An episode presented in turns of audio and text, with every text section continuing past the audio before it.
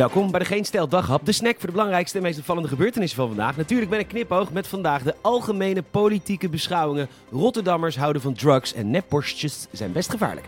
Mijn naam is Peter Bouwman en dit is de dag, woensdag 22 september.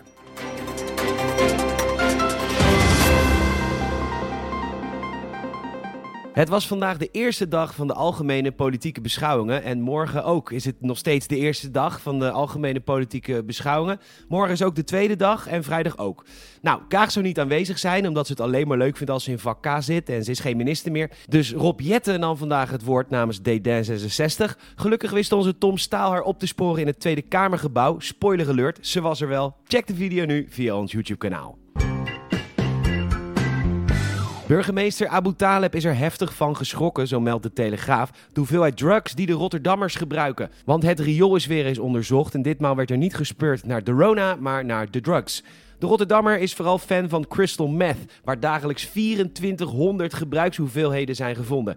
Per dag verdwijnen 40.000 lijntjes kook in Rotterdamse neusjes en 25.000 lijntjes speed. Circa 2000 pillen ecstasy en 67.000 joints per dag. Het goede nieuws, het is wel een halvering ten opzichte van toen Jules Dilder nog leefde.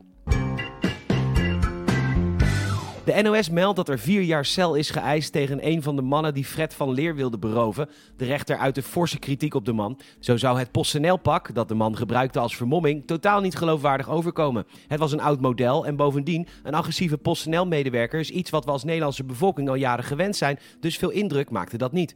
Ook was de rechter niet te spreken over het DNA op een schoen dat was achtergelaten. Dat was makkelijk weg te poetsen. Tot slot heeft de man eerder al eens vastgezeten voor drugshandel, straatroof en vuurwapenbezit. De rechter vond het wederom betrapt worden een disqualificatie van het edele vak der crimineel. Ook de deken van criminaliteit bekijkt of er stappen ondernomen kunnen worden, waaronder het intrekken van zijn vergunning bij de orde van straatschoffies. Was je niet voor de Europese Unie, dan ben je het nu wel, want de Volkskrant meldt dat er vanaf 2024 een standaard oplader komt voor alle elektronische apparaten. USB-C heeft gewonnen en dat betekent dat alle computers, spelcomputers, telefoons, draadloze speakers, alles, alles, alles moet werken met USB-C. Het moet onder andere goed zijn voor het milieu, maar als ik bedenk hoeveel verschillende snoeren wij als continent moeten weggooien zodra de wetgeving ingaat, tel er maar weer een graadje bij op. Borstimplantaten zijn voor sommige mensen gevaarlijk. Je kunt er ziek van worden of erger. En dus wil het wetenschappelijke magazine Journal of the American Medical Association dat daarvoor gewaarschuwd wordt. Bij Trouw trekt een van de onderzoekers, Henry Dijkman, de vergelijking met roken. Niet iedereen wordt ziek, maar de kans is wel veel groter.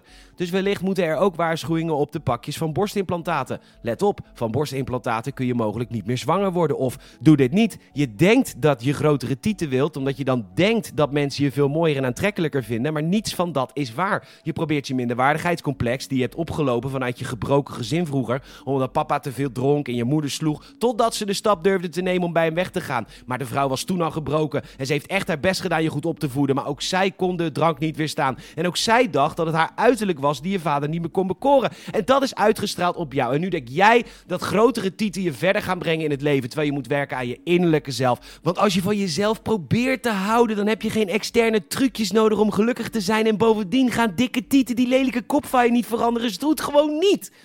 Of pas op, borstimplantaten zijn schadelijk. Nu.nl meldt dat Jan Terlouw een nieuwe vriendin heeft die 27 jaar jonger is. Ugh, gadverdamme, de walging. Oh, wacht.